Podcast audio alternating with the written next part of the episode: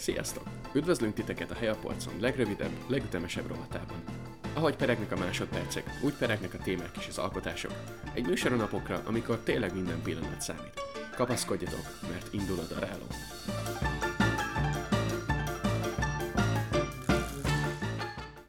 Sziasztok! Ez itt a Helyapolcon Podcast daráló sorozata. Én Létre vagyok, amint megszokhattátok, ezeket az adásokat általában egyedül csinálom, de a közeljövőben jönnek egyébként olyan darálók is, amiket Bagol csinált, de most a mai adást ezt velem töltitek el. Ebben az adásban pedig egy filmajánlót hoztam, most kicsit elszakadunk a zenevilágától, pontosabban nem egészen, nem szakadunk el teljesen tőle, de most a filmnál lesz a fő hangsúly. Ez pedig egy német film, a 2013-as Van Inge Tanz című film. Nem tudom, hogy van tehát más címen forgalmazták-e, úgy tudom, hogy angol szinkron készült belőle, magyar egészen biztosan nem. Én ennél a címnél fogok maradni. Egyébként is azt gondolom, hogy filmeket érdemes az eredeti nyelven nézni, ugye nyilván, ha nem értjük felirattal, sokat hozzátesz a film hangulatához, hogyha a készítés nyelvén nézzük. De ugorjunk is bele. Miről szól ez a film? Az az alapfelállásunk, hogy egy gimnáziumban vagyunk, viszonylag hamar találkozunk a fő karakterrel, a karaktereinkkel, egy Max nevű sráccal, aki tipikus ilyen iskola rossz fiúja. Nagyon menőnek gondolja magát, hogy mindenkit állandóan piszkál, meg szivat, meg e, ilyen hülye poénokat csinál vele. Nem tanul, nem figyel, ilyen, tehát ez a tipikus amerikai tini filmes rossz fiú.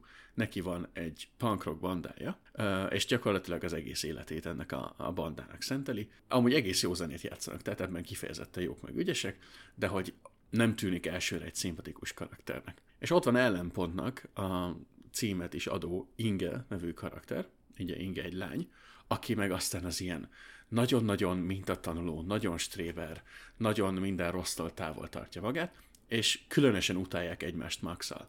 Tehát viszonylag hamar bepillantást nyerünk a kettői konfliktusába, közöttük állandóan így forr meg izzik a levegő, és nem jó vagy mondjuk szexuális értelemben, hanem ezek tényleg rettenetesen utálják egymást. De az inge szál az, az csak viszonylag később domborodik ki. Visszatérünk Maxra, és látjuk, hogy egy, egyik este koncerteznek egy ilyen diszkóban, és a, az együttes gitárosa, az egy ilyen félre sikerült színpadi mozdulat következtében leesik a színpadról, és eltöri mindkét kezét. És ez nem is jöhetne gyakorlatilag rosszabbkor a, a srácoknak. Egyébként az együtt, együttest System Failernek hívják, mert pont ebben a klubban ott van egy CD kiadónak az egyik ilyen menedzsere, aki keresi az ilyen új bandákat, akiben nagy lehetőséget lát, és hozzájuk is oda megy, hogy kapnának egy lehetőséget, hogy az egyébként valóban létező német Madzen punkrock együttes előtt ilyen előzenekarként játszassanak, és hát a srácok nyilván oda meg vissza vannak a boldogságtól, és azt mondják, persze elvállalják, megcsinálják minden áron. Viszont ugye ott van továbbra is a helyzet, hogy a főgitárosok nem tud gitározni, mert el van törve mindkét keze. És akkor bajba vannak,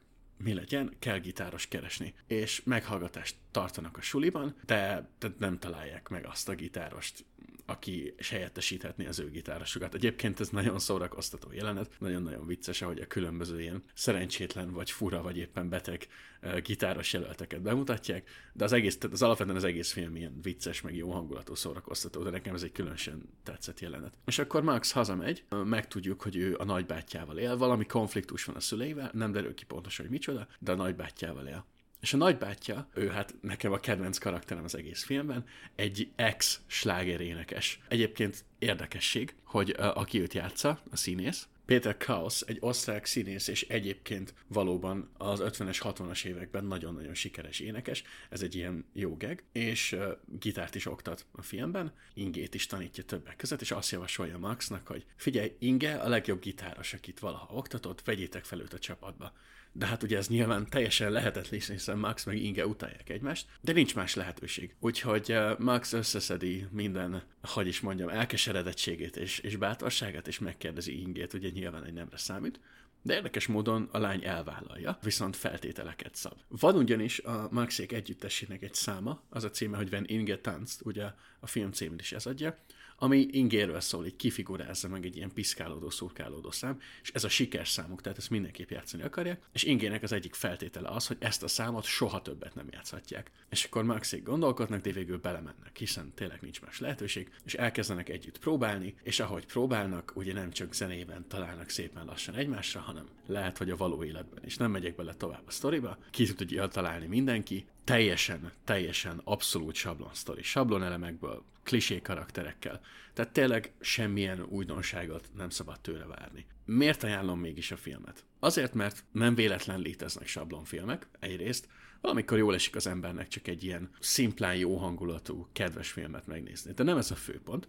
A főpont a zene. A srácok is, a filmben szereplő banda, System Failure, nagyon-nagyon jó zenét játszanak, nagyon jó punk rockot játszanak, illetve a filmnek a, a betétdala is, másoktól átvett számok, az is kiváló. Tehát például nem hallottam én még Rise Against that filmben előfordulni, itt megjelenik. Illetve még egy harmadikok, amiért azt mondanám, hogy nézzétek meg. Nagyon tipikus német film. Kicsit nem PC humorral, de mindemellett sokszor komoly jelenetekkel, van benne némi mondani való is, van benne egy csomó mell, mert anélkül nem német film, a német filmnek valamiért minden német filmben szerepelnie kell. És a klisé sztori ellenére ezeknek kicsit mindig más hangulata van, mint például az ilyen tipikus amerikai tini filmeknek. Színészekre se lehet rosszat mondani, a, a Maxot játszó Tim Schulzot, illetve az Ingét játszó Paula Kallenberget elég sok kortás német filmben megtaláljuk, és hát ugye mondtam, Péter Kraus egyszerűen zseniális. Nagyon-nagyon imádom. Kár is többet mondani róla, hogyha van egy estétek, amikor valami jó hangulatú filmet kerestek jó zenével, nézzetek le, megtaláljátok Amazonon például, ilyen, ilyen viszonylag vicces szegért, nem egy túl ismert film, nem egy túl népszerű film, de szerintem egy estét mindenképp megér. Remélem tetszeni fog nektek, remélem tetszett az adás is, és a legközelebb találkozunk. Sziasztok!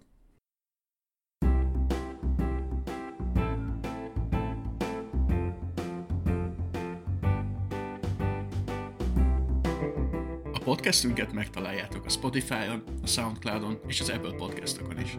Infokért, képes tartalmakért kövessetek minket Instagramon, és minden véleményt, meglátást, kérdést szívesen fogadunk a helyapolcunkat gmail.com-on. Következő adásig pedig csináljatok még egy helyet a polcon. Sziasztok!